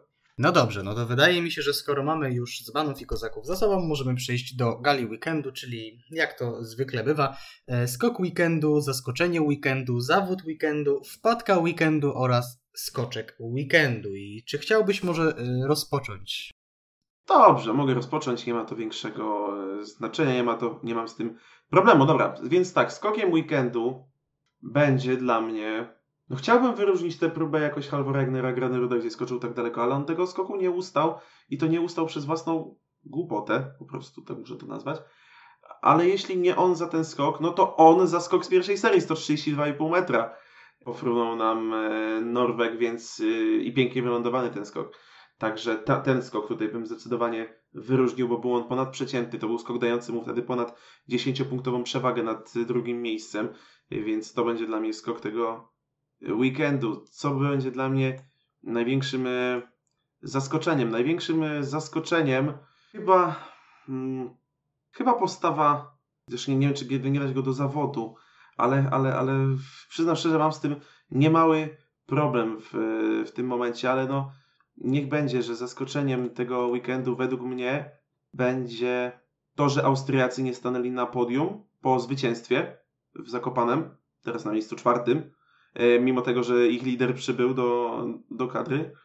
E, więc, więc tutaj będzie to zaskoczenie. Za zawodem będzie e, postawa Mariusa Lindwika, zwycięzcy z, z Zakopanego. Wpadka. Co tutaj mogłoby być wpadką? No ciężko powiedzieć, czy to jest pierwszy skok Dawida Kubackiego z soboty, czy może raczej yy, dyskwalifikacja dla Matthew Kupa, tylko że no, jaka to jest wpadka, tak? No tutaj mówmy się, no, czy on by był yy, zdyskwalifikowany, czy nie, to nie wiem, czy w ogóle wszedłby do tego konkursu, czy byłby potem w drugiej serii, czy by punktował. Nie jest zawodnikiem tak znaczącym, jak jest chociażby Piotr e, Żyła, więc wtedy mogliśmy spokojnie te, jako tę wpadkę Piotra wymienić w Zakopanem, ale tutaj wydaje mi się, że Matthew Sokup nie jest na tyle zawodnikiem, e, nazwijmy to, znaczącym, by właśnie wymienić go jako wpadkę, to, to, to że został zdyskwalifikowany za kombinezon. Więc taką wpadką niech będzie postawa Ziggy Jelara w konkursie drużynowym, która ostatecznie pozbawiła e, jego mm, kolegów szans, szans na, na walkę o, o, o wyższe lokaty. Musiała ich tutaj e, zepchnąć gdzieś na szóstą pozycję 114 metrów 106, więc naprawdę wyglądało to mm, bardzo, bardzo blado u, u Słoweńca. Y, natomiast y, jeśli chodzi o skoczka weekendu, no to takim moim kandydatem jest y, Karel Geiger, ponieważ trzecie miejsce w konkursie indywidualnym, najlepszy indywidualnie w konkursie drużynowym, tak więc tutaj to Karla Geigera skazałbym jako mm, no tego skoczka weekendu, jako, naj, jako tego no najlepszego zawodnika, tak to, tak to powiedzmy. Jak to wygląda Damian u Ciebie? No to jeśli o mnie chodzi, to e, te gale zdominuje tak naprawdę jeden skoczek, bo to był tak szczególny przypadek w ten weekend, że tak naprawdę wpisuje mi się w, dwa, w dwie albo przynajmniej trzy, dwie albo trzy kategorie. No to, to zaczynamy. Skok weekendu, mimo wszystko, 137,5 metra albo Regner Grandrud, ponieważ ja na skok weekendu nie patrzę w, w kontekście, że to zawsze musi być skok, który E, jest pozytywnie rozpatrywany. To może być na przykład skok, który jest również na tyle charakterystyczny, żeby tu się znaleźć, ale niekoniecznie e, w tym dobrym sensie, więc zdecydowanie jeżeli chodzi o Sao Paulo o ostatni weekend, no to był najbardziej charakterystyczny skok, najbardziej, który może odbił się echem e, wśród społeczności. Dlatego tutaj skokiem weekendu zostaje ten nieustany skok Halvora Egnera Graneruda na 137 metrze i 50 centymetrze. E, jeżeli chodzi o zaskoczenie weekendu, mimo wszystko Robert Johansson, bo w, nie wiem, może ja po prostu mam wypaczony sposób postrzegania tego zawodnika, ale dla mnie było zaskoczenie, że on tutaj te zawody wygrał. Nawet myślę, że zaskoczeniem byłoby, gdyby na tym podium się znalazł, bo nie wiem, ciężko mi jakoś tak e, inaczej spoglądać na Norwega niż e, przez pryzmat tego, że on jest troszeczkę takim skoczkiem ścienia, gdzie on przecież zakopany był trzeci, więc tym bardziej nie rozumiem swojej nominacji, ale wydaje mi się, że troszeczkę tutaj jakby nie pasował do tej ścisłej, ścisłej, ścisłej czołówki więc e, niech będzie, że zaskoczeniem dla mnie był Johansson. Zawodem, zawodem za to był, no tak jak już mówiłeś, Mariusz Lindwik. Wydaje mi się, że zdecydowanie po zwycięstwie z Zakopanego można było oczekiwać więcej, a zawiedliśmy się tutaj na postawie Mariusa Lindwika. Jeżeli chodzi o wpadkę, no to troszeczkę nietypowo, ale znowu dam skok Halvora Egnera Graneruda jako wpadkę, bo miał pewną dziesięciopunktową przewagę, a, którą tak naprawdę zaprzepaścił przez swoje ambicje. No tutaj nie, nie da się tego ukryć. Mógł spokojnie to wylądować wcześniej, nawet na dwie nogi pewnie spokojnie by to wygrał, ale przez swoją ambicję pokazania chyba, że to on jest najlepszy, że to on dominuje, no z tego podium wypadł, mając przecież 10 punktów przewagi po pierwszej serii, liderując po pierwszej serii no niestety wypadł za to podium, no i później jeszcze komentował decyzje sędziów co do not y, mu y, wymierzonych, więc jakby na ten skok można patrzeć w dwóch różnych perspektywach i właśnie dlatego jakby ten skok zwyciężał mnie zarówno w kategorii skok weekendu, jak i wpadka weekendu. A jeżeli miałbym wybrać skoczka weekendu, no to, tak jak mówiłem, zdominowane zostały, została ta gala przez tego skoczka. Halvor Egner Granerud i to tak naprawdę dorzucając kolejny czynnik, uporał się ze swoimi prędkościami najazdowymi w Zakopanem, więc również w pewnym sensie był jedną z dominujących postaci podczas tego weekendu, a fakt tych komentarzy co do jego not, a także jego skoków w drugiej serii z pewnością tutaj ustawia go jako mocnego kandydata do zwyciężenia w tej kategorii, dlatego skoczkiem weekendu za prowadzenie po pierwszej serii, ostatecznie czwarte miejsce, bardzo charakterystyczną drugą próbę, swoje komentarze, a także uporanie się z problemem z najazdem na progu, z najazdem na próg, Halvor Egner Granerud, skoczek weekendu. Uff, tak to u mnie wygląda. Także Halvor Egner Granerud dominuje ponownie, tym razem może nie aż tak jak na skocznie, ale w naszej, a przynajmniej w mojej gali, jak najbardziej. No dobrze, no to skoro galę mamy za sobą, to myślę, wydaje, że możemy zamknąć weekend w Lachti już tak oficjalnie. Po przerwie muzycznej omówimy jakby nadchodzący mm, wielkimi krokami e, weekend w Willingen, jak i wiążący się z tym turniej Willingen Six albo Willingen Zechs, jak tam sobie chcecie to wymawiać. E, zostańcie z nami, bo pewnie pomówimy też o paru innych pomniejszych newsach.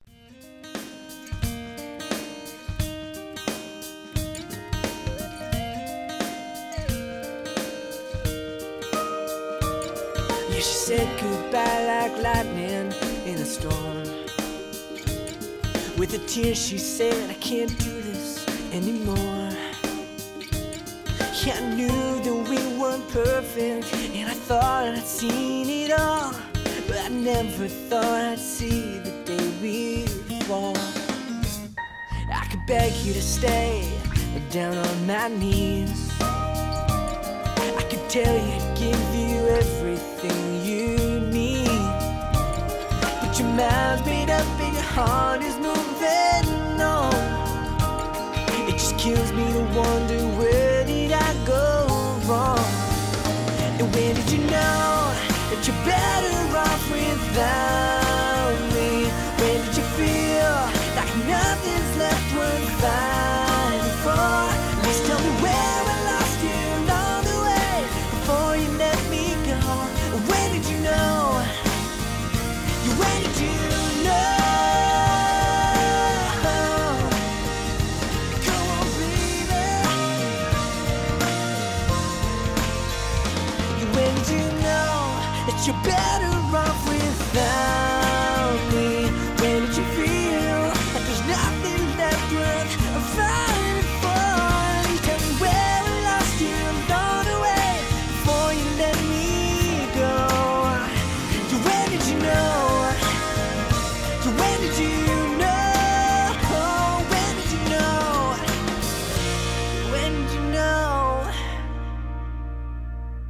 Powracamy do audycji Telemark po raz ostatni jakby e, dzisiejszego dnia, dzisiejszego, mm, no raczej wieczoru, bo słuchacie tego pewnie po, po godzinie 17, ale na pewno jeszcze w przyszłych tygodniach oczywiście do Telemarkach, do, do audycji Telemark będziemy wracać, aczkolwiek teraz skupimy się głównie na Willingen 5 e, czy pobocznych innych informacjach. No to jeżeli chodzi o Willingen 5, no to znamy już powiedzmy wstępną listę zgłoszeń. Willingen 6 dokładnie powinienem powiedzieć. Po raz kolejny się pomyliłem. Nie mogę przestawić się na to, że teraz już e, ten e, minicykl został przereformowany i te kwalifikacje będą do obu konkursów.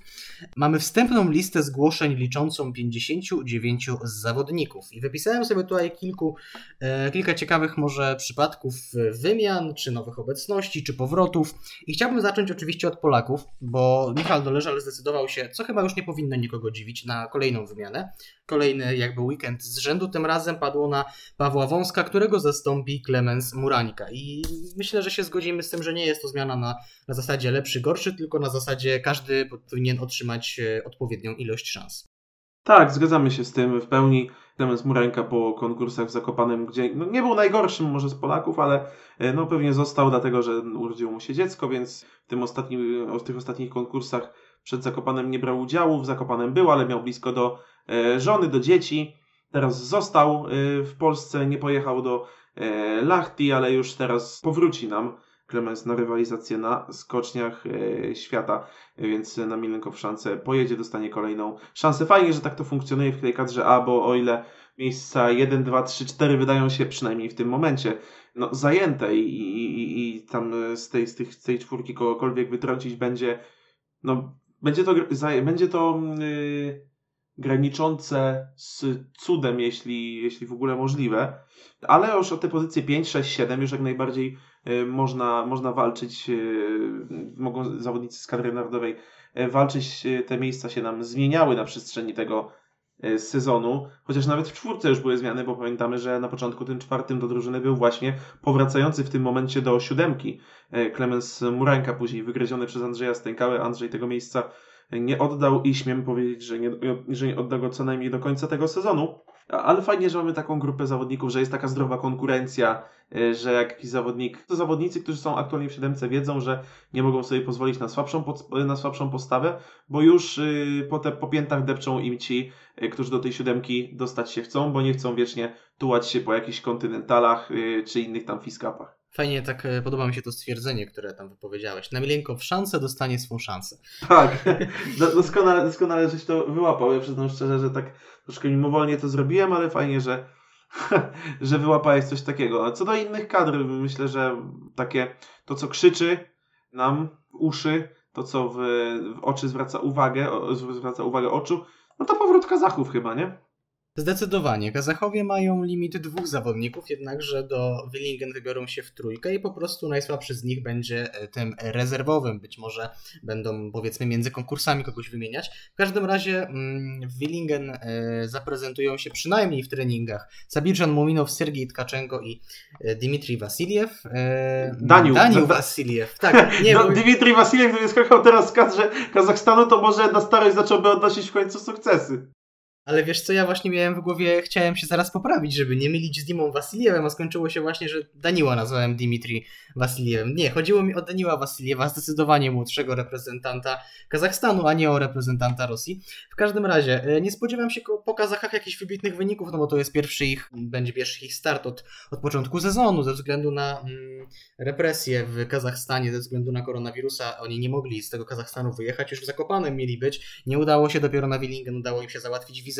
Nie spodziewam się po nich jakichś niesamowitych wyników, y, ale chciałbym, żeby chociaż jeden w obu tych konkursach wystąpił. Najprawdopodobniej będzie to Sergij Tkaczenko, ale ciężko naprawdę oceniać po tak długiej nieobecności na skoczniach świata, w jakiej oni są w ogóle dyspozycji, bo kto wie, może Tkaczenko już kompletnie zatracił swoją, swoje umiejętności, na przykład no, ani jednych kwalifikacji nie przebrnie, no zobaczymy. W każdym razie, przechodząc dalej, Innym ciekawym nazwiskiem jest powrót e, syna marnotrawnego w reprezentacji Słowenii, ponieważ wraca Timi Zajc, którego nie widzieliśmy aż od. No, ostatni raz widzieliśmy go w- podczas drugiej serii e, Mistrzostw Świata w lotach, więc to już jest naprawdę, naprawdę ogromna liczba konkursów. E, wraca do kadry, zdecydował się na niego Robert Hergota. Ciekawe swoją drogą, jak się będzie prezentował i czy znowu będzie miał taki niewyparzony język.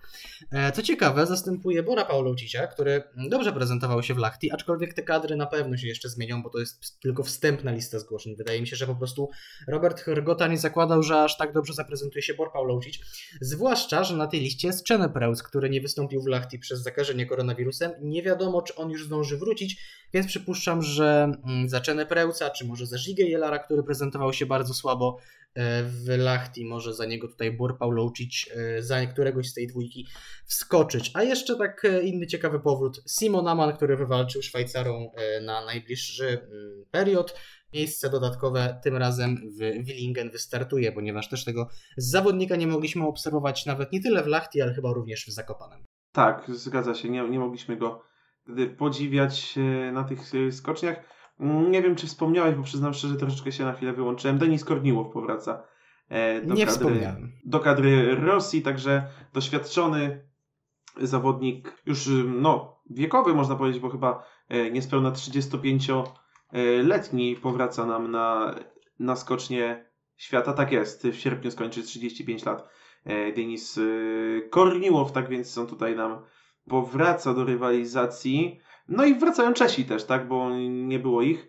E, Jest Sztursa, jest Polaszek, jest e, Koziszek, tak więc no to Willingen 6 czy Willingen 6, jak to mówią e, Niemcy, bo to przecież w Niemczech będzie e, cały ten cykl. E, Zapowiada się dosyć e, ciekawie, tylko no, pytanie, czy te kadry, które jak na razie są wstępnie zgłoszone, jeszcze nam się tutaj nie będą zmieniać. No te, tych powrotów to jeszcze troszkę jest, bo na przykład wraca po mm, jedną weekendowej nieobecności Władimir Zograwski, tak samo Alex Insem, który przecież punktował trochę sensacyjnie w Zakopanem. E, Nie ma na przykład e, Tomasa Asena Markenga, który po swoich e, występach w Lachti troszeczkę narzekał na kolana. To nie jest nic poważnego, żadnej kontuzji się nie nabawił Norweg, ale dla pewności wolał te starty odpuścić, aczkolwiek już tak przechodząc do następnego tematu, Prawdopodobnie dalej z Norwegami się trzyma, ponieważ w niedzielny wieczór norweski rząd ogłosił zmiany w swoich restrykcjach, e, głoszące, że jeżeli teraz reprezentanci Norwegii wróciliby do swojego kraju, a mieli takie plany, plany właśnie do Norwegii wrócić między Lahti a Willingen, no to musieliby spędzić chyba tydzień albo nawet więcej na kwarantannie i tym samym wykluczyliby się ze startów w, niemieckiej miejscowości. Stąd też nastała mała korekta. Zgaduję, że Marken tam dalej z nimi siedzi, a po prostu nie będzie startował. Może ewentualnie jako przedskoczek, ale myślę, że wątpię. Myślę, że wątpię. Przypuszczam, To- że wątpię. Przypuszczam, że wątpię. Dokładnie z tym mi się skojarzyło.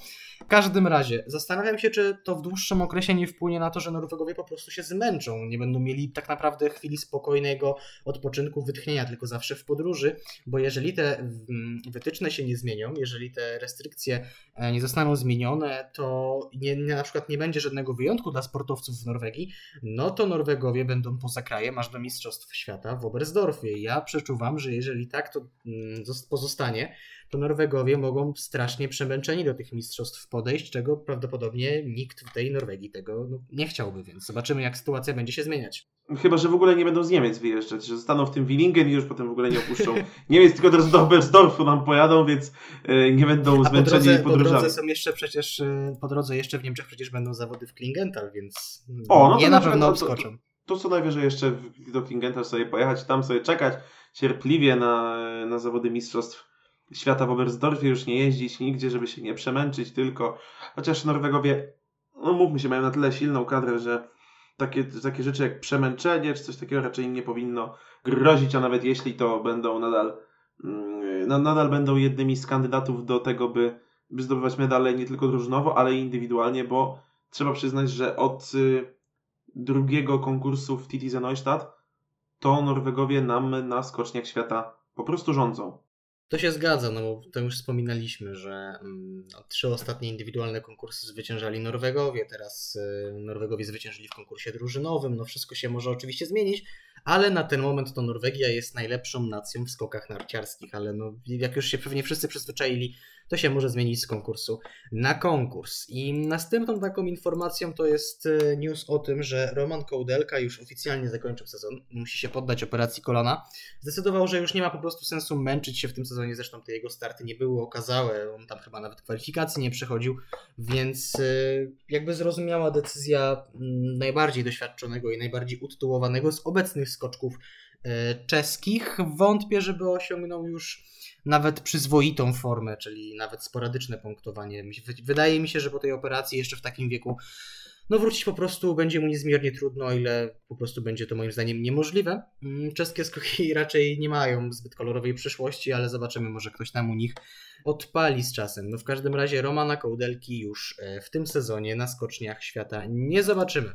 A jeżeli chodzi jeszcze o inny news, no to w ten y, weekend, który się już zakończył, odbył się Puchar Świata Pań, w którym Polki, co prawda może nie osiągnęły życiowego rezultatu, ale warto wspomnieć, że drużynowo zajęły ósme miejsce, więc y, sam awans do drugiej serii jest już y, pewnego rodzaju sukcesem, a indywidualnie Kinga Rajdast była pierwsza dla Polski punkty w tym sezonie, tym samym dla siebie również, zajmując 30 lokatę w, teraz nie pamiętam w jakiej miejscowości panie skakały, w Kralniu? Chyba tak, wydaje Chyba się, tak, że, chyba w Kraniu. że, że w Kraniu w Słowenii e, skakały, skakały nam e, panie.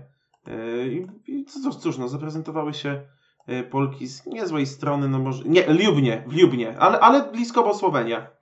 Wygrywa, wygrała e, Erin Maria Kwandal, drugie miejsce Emma Klimes, trzecie Marita Kramer, dopiero na piątym miejscu Maren Lundby, ta niedawna dominatorka Polki, ósme, o czym mówiłeś, Inga Rajda z pierwszymi punktami, jest tutaj ten punkcik.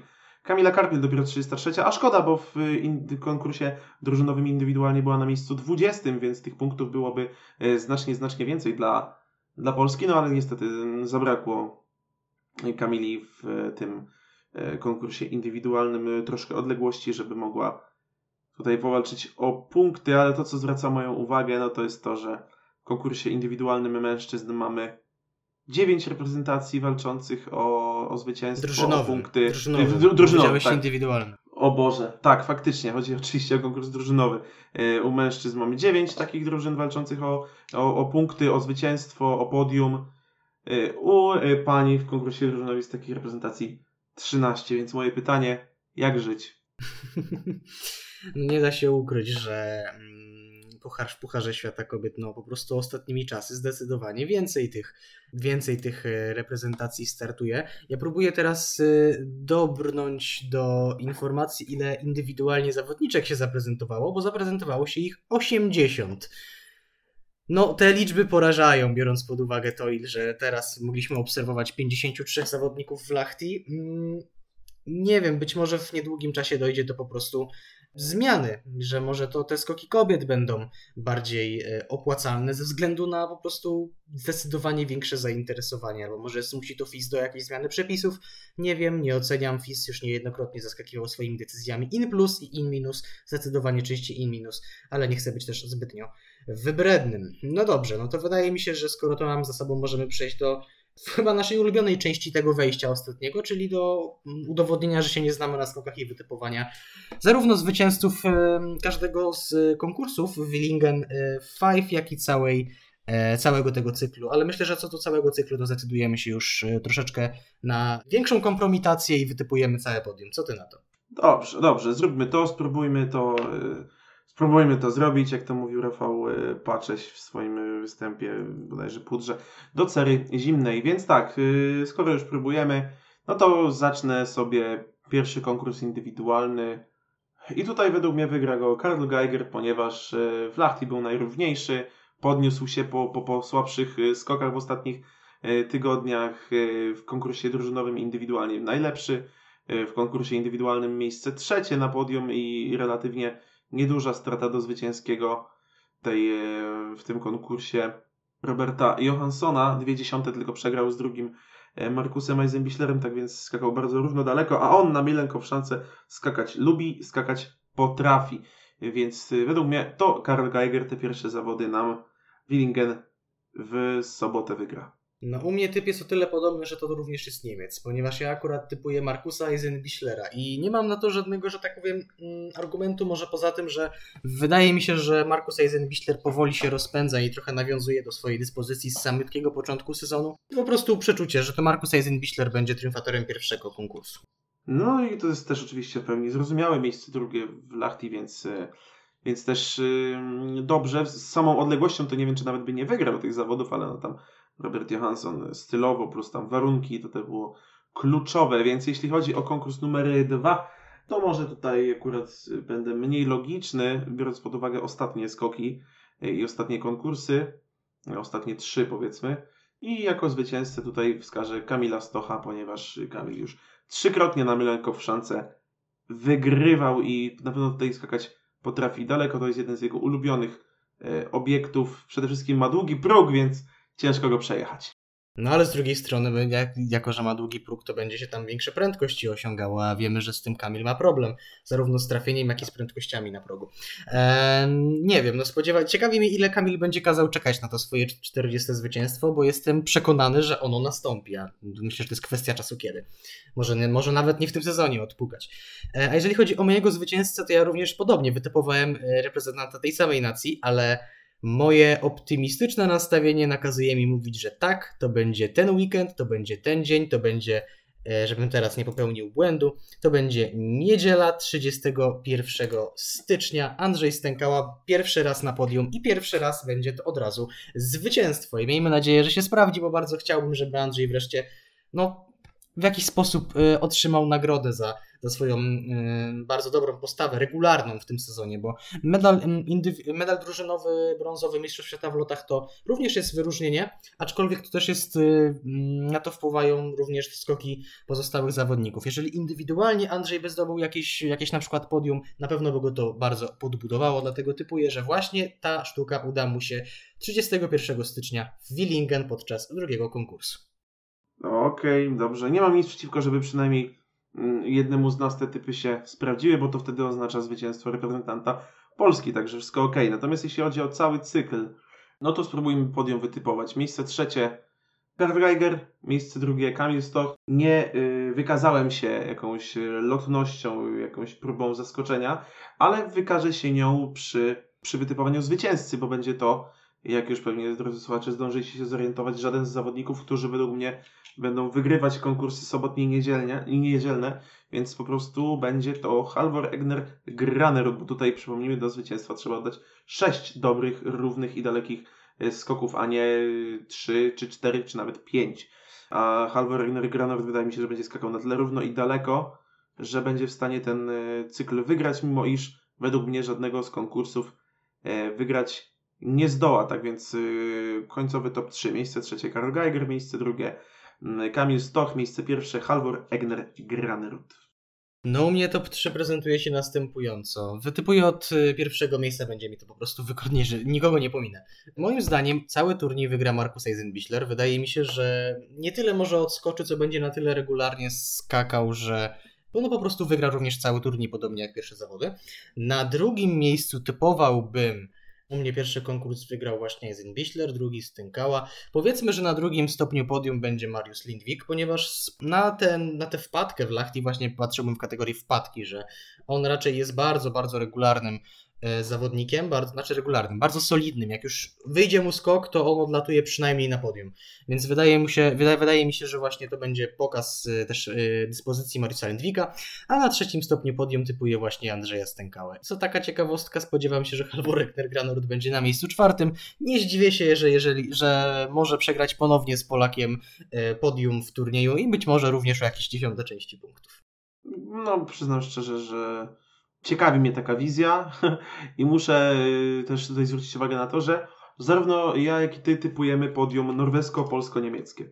No to chyba są y, najlepsze nacje w tym momencie. No co prawda Niemcy może drużynowo jakoś różnie to wygląda, ale jeżeli chodzi o indywidualne, że tak powiem, e, prezencje, no to Niemcy w postaci Karla Geigera czy Markusa Eisenbichlera jak najbardziej e, zgłaszają dwie takie mocne kandydatury do zwycięstwa, czy to przynajmniej podium w tym Willingen 5, chociaż wydaje mi się, że kandydatów jest naprawdę wielu, no bo tutaj może jeszcze któryś z Austriaków zaskoczy, może któryś e, z Polaków, bo przecież też nie wiadomo jak Polacy mm, odpoczną po tym weekendzie, jak się zaprezentują w Willingen. Zex już, bo mówmy w tym cyklu po prostu paru skoków w Willingen, bo i tak nie trafimy nigdy, ile tych skoków będzie, zwłaszcza, że te warunki mogą być takie, że nie zdziwię się, że to jeżeli będzie nawet Willingen dry albo coś w tym stylu.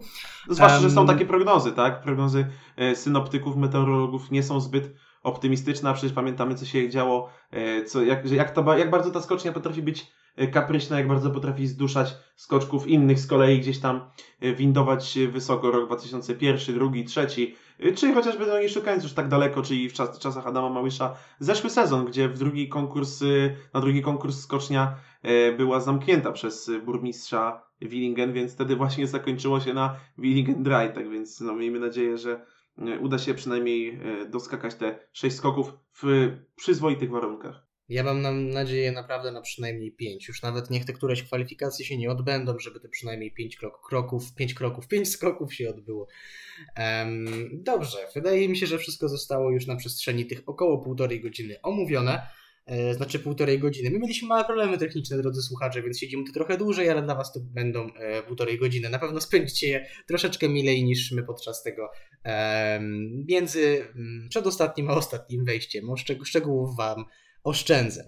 E, Niemniej jednak za dziś bardzo dziękujemy za każdą chwilę, którą spędziliście z naszą audycją. Mamy nadzieję standardowo, że nie zasnęliście po drugiej stronie, ponieważ wróciliśmy do tej formy mm, audycji nagrywanych, to już nie są live'y, ale nie, nie ukrywam, że jeszcze może być taka sytuacja, że po któryś z zawodach po prostu zrobimy live'a zamiast standardowej audycji. W każdym razie za dziś dziękuję Damian Markowicz, I Adrian Kozioł, kłaniam się nisko.